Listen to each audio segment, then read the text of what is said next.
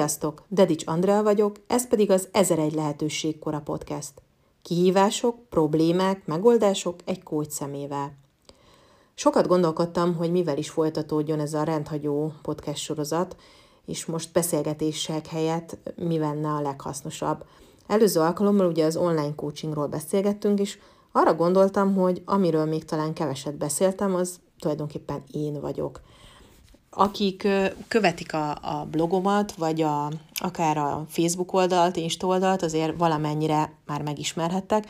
de arra gondoltam, hogy érdekes lehet számotokra, hogy miért is választottam én a coachingot, ki is vagyok én, és honnan jön ez az egész dolog számomra. Az az igazság, hogy amióta az eszemet tudom, mindig azt töltött föl, és az okozott számomra örömet, hogyha ha emberek között lehettem. Már óvodás koromból vannak ilyen emlékeim, amikor a pici húgom miatt anyukám gyakran megkérdezte, hogy nem lenne kedvem otthon maradni, hiszen ő úgyis otthon van vele, és én sokszor mondtam, hogy nem, nem, hagyd mehessek az óvodába, hiszen ott vannak a barátaim, ott, ott zajlik az élet. Aztán ez később iskolás koromban is így folytatódott, és aztán ami egész kiskori meghatározó élményem, amikor általános iskolában volt egy osztálytársam, akinek nagyon nehezére esett a, az egyik tantárgy, és, és folyamatosan kudarc élmények érték, nem sikerültek a dolgozatai, és így nagyon-nagyon rossz érzés volt ezt így kívülről látni, és azért megbeszéltük, hogy hogy így segítek neki, és hogy, és hogy igenis meg fogja tudni csinálni. És hát gondolhatjátok azért ilyen 5-6-os fejjel, nyilván nem a lexikális tanári tudásom volt nagy, de, de valahogy mégiscsak átbeszéltük a dolgokat, hogy mi is lesz a dolgozatban, és hogy, és hogy mit kell tennie, hogy sikerüljön, és bíztattam, és sokat, tényleg sokat készültünk. És emlékszem arra az érzésre, amikor osztották ki már a dolgozatokat, és hogy nem is a sajátomat vártam, hanem azt, hogy végre ez, a, ez az osztálytársam megkapja a dolgozatát, és, és végre kiderüljön, hogy sikerült neki, és képzeljétek el, sikerült, végre, végre jó jegyet kapott, ami nagyon-nagyon-nagyon sokat számított, nem csak azért, mert hogy megmentette a, az esetleges félévi bukástól, hanem azért is, mert láttam rajta, láttam az arcán, hogy, hogy ez neki mennyire sokat jelent, hogy ő, hogy ő nem egy egyes tanuló, hanem hogy igenis képes arra, hogy jobb eredményt érjen el. És ez nekem akkor egy akkora energialöketet adott, hogy sokkal nagyobb öröm volt, mint akárhány jó jegy megszerzése. Innentől kezdve gyakorlatilag egyenes út vezetett a, a humán területek felé és humán pálya felé, és így lettem tanár. És bevallom őszintén, hogy az egész tanárságból nekem már a tanítási gyakorlaton is kiderült, hogy egyáltalán nem a lexikális tudás átadása, ami leginkább érdekes volt, hanem sokkal inkább az, hogy hogy lehet úgy az emberekkel együtt dolgozni, együttműködni a diákokkal, a gyerekekkel, hogy kihozzuk az adott helyzetből a maximumot, hogy, hogy elhiggyék magukról azt, hogy képesek jó eredményt elérni, hogy mindazt, amit meg kell tanulni, annak van értelme, és hogy igenis tudják majd hasznosítani. De hát az hamar kiderült rólam, hogy, hogy nem az a klasszikus tanár szerep lesz számomra megfelelő, így nevelő tanár lettem, ami azért egy nagyon-nagyon hálás és szerencsés feladat, mert ott azt tehettem végre, amit mindig is akartam, úgy dolgozhattam együtt a diákokkal, hogy, hogy kihozzam belőlük azt a, azt a tehetséget, azt a, azt a pluszt, ami, amitől ők szerintem jobban és, és boldogabban ö, tudtak élni, vagy tudnak élni.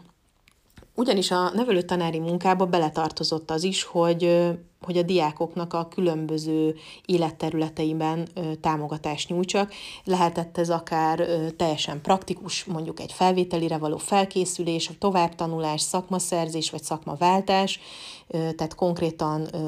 ilyen tanulós felkészülés, vagy akár magánéleti beszélgetések, hiszen ők távol voltak a családjuktól, ezért én voltam az a, az a felnőtt, akihez fordulhattak segítségért. És ezek során, a beszélgetések során azt vettem észre, hogy tulajdonképpen amit én csinálok, az, az, az a coaching. Ezt többfelől meg is kaptam visszajelzésképp.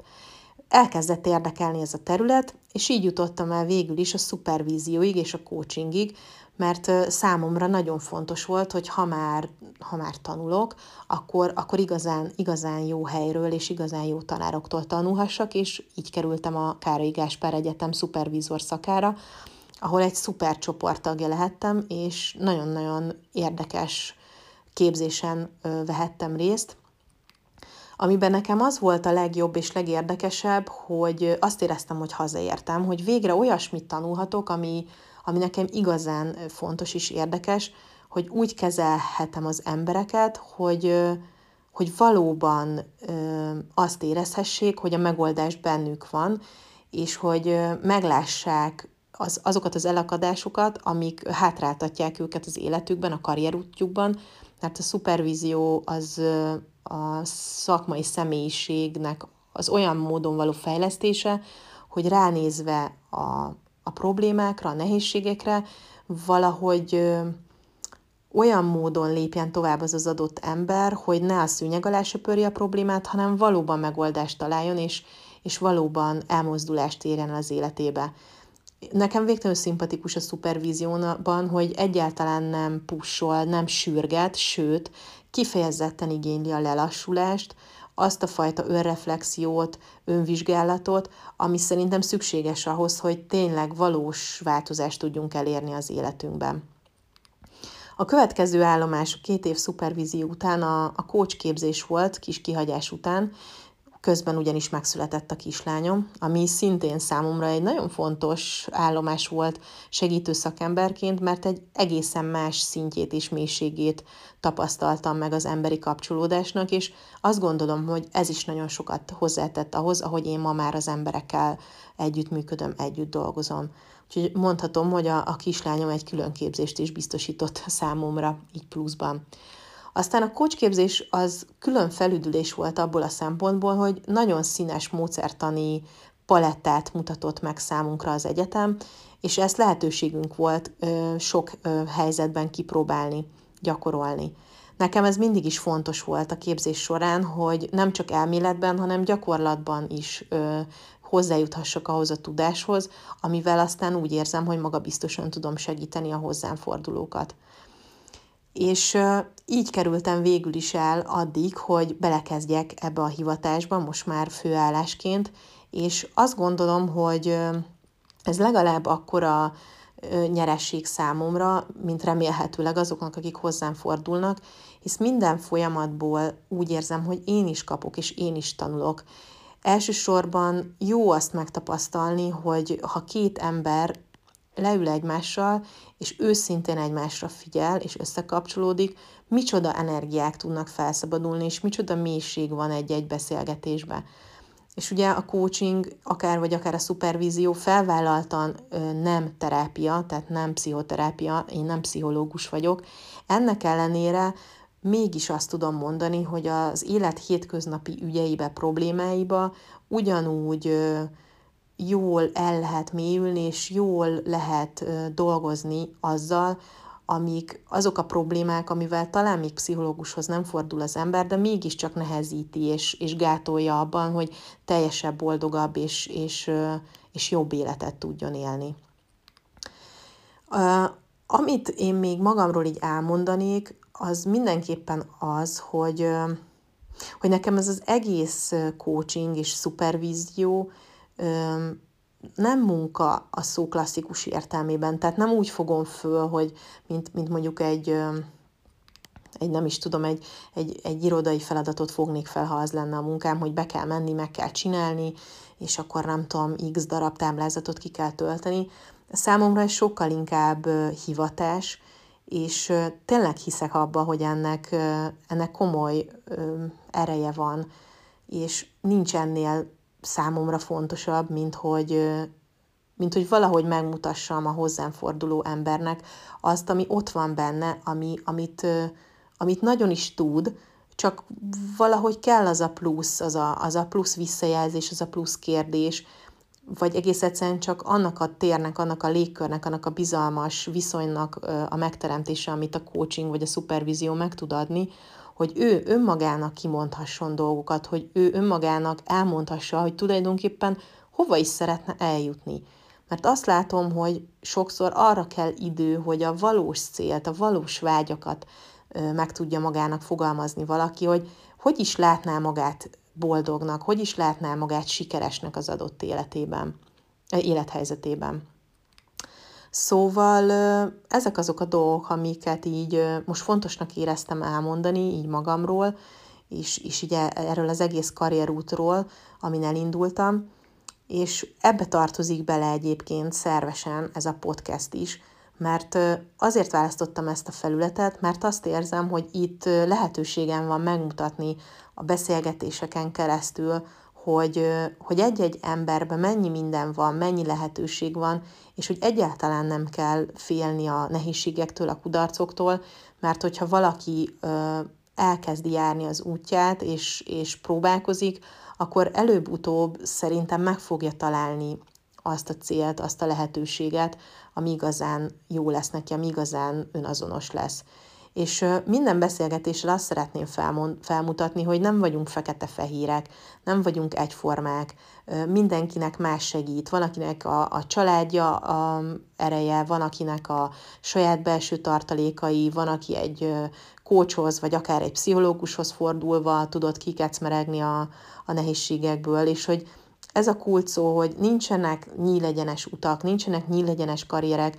sokan azt gondolják, akik épp nehéz helyzetben vannak, vagy problémáik vannak, hogy, hogy ők azok, akik, akik valamit rosszul csinálnak, valami, valami teljesen tévúton járnak, hiszen mindenki másnak milyen színes szagos az Instája és a Facebook, és mindenkinek megy ez, csak, csak nekik nem. És szerintem ezekben a beszélgetésekben ez is nagyon fontos, hogy, hogy az élet nem fekete-fehér, senkinek nem mindig csak a napos oldal van, és hogy ennél sokkal összetettebb mindenkinek az élete, és hogy nem kell ezért szígyelni magunkat, ha nehézségeink vannak, mert ez teljesen normális. Nem kell magunkat ostorozni amiatt, ha valami éppen nem megy, vagy valami, valami problémás, hanem csak, ha csak egy pici mondatból, csak egy pici fordulatból esetleg erőt tudtok meríteni, akkor, akkor azt hiszem, hogy van értelme ezeknek a podcasteknek és beszélgetéseknek. Ezeket az ilyen önálló részeket pedig arra szánom, hogy picit közelebb hozzá, hozzam hozzátok ezt az egész műfajt, mert tudom, hogy bár sokan hallottak már róla, sokan sok mindent gondolnak róla, még mindig kevesen próbálták ki saját bőrükön, pedig szerintem érdemes, mert azt tapasztaltam, hogy eddig bárkivel dolgoztam együtt, mindenki ö, saját bevallása alapján is profitált ebből, a, ebből az egész dologból. De tudom, hogy nem mindenkinek ez az útja, hiszen sokfélék vagyunk tényleg, valakinek teljesen más fog segíteni, és az is rendben van, az is teljesen oké. Okay. Úgyhogy tényleg, hogyha úgy érzitek, hogy most valami nagyon nehéz, és, és erre minden okotok meg is van, hogy így érezzétek, hiszen jelenleg azért egy nehéz élethelyzetben vagyunk, akkor tényleg szóljatok, hívjatok, és dolgozhatunk együtt, vagy keressétek meg azt az utat, ami számotokra a legjobb, és számotokra a legnagyobb segítséget tudná adni, és nyugodtan meg lehet erre adni az időt, és hiszek benne is, és tudom, hogy mindenki, hogyha egy picit odafigyel magára, akkor meg fogja tudni találni azt az egészen apró dolgot, ami, ami majd segít, ami előre mozdítja, és egy picit jobbá teszi a, a holnapját. Következő rendhagyó epizódban pedig szeretnék mesélni nektek a, arról, hogy milyen típusú problémákkal keresnek meg engem, és a különböző folyamatokban hogyan jutottunk el a célig. Talán ez is egy picit segít abban, hogy megismerjetek, mint coach, és arról is kaphattok egy képet, hogy miért tartom nagyon fontosnak azt, hogy egy segítő szakember tényleg minőségi képzésben vegyen részt, hiszen a történetekből is látni fogjátok, hogy rengetegféle ember, rengetegféle kérdéssel, problémával, célkitűzéssel kerül be egy ilyen coaching folyamatba. Tehát egyáltalán nem mindegy, hogy mennyire felkészült az ember. Szóval tartsatok velem jövő héten is. Sziasztok!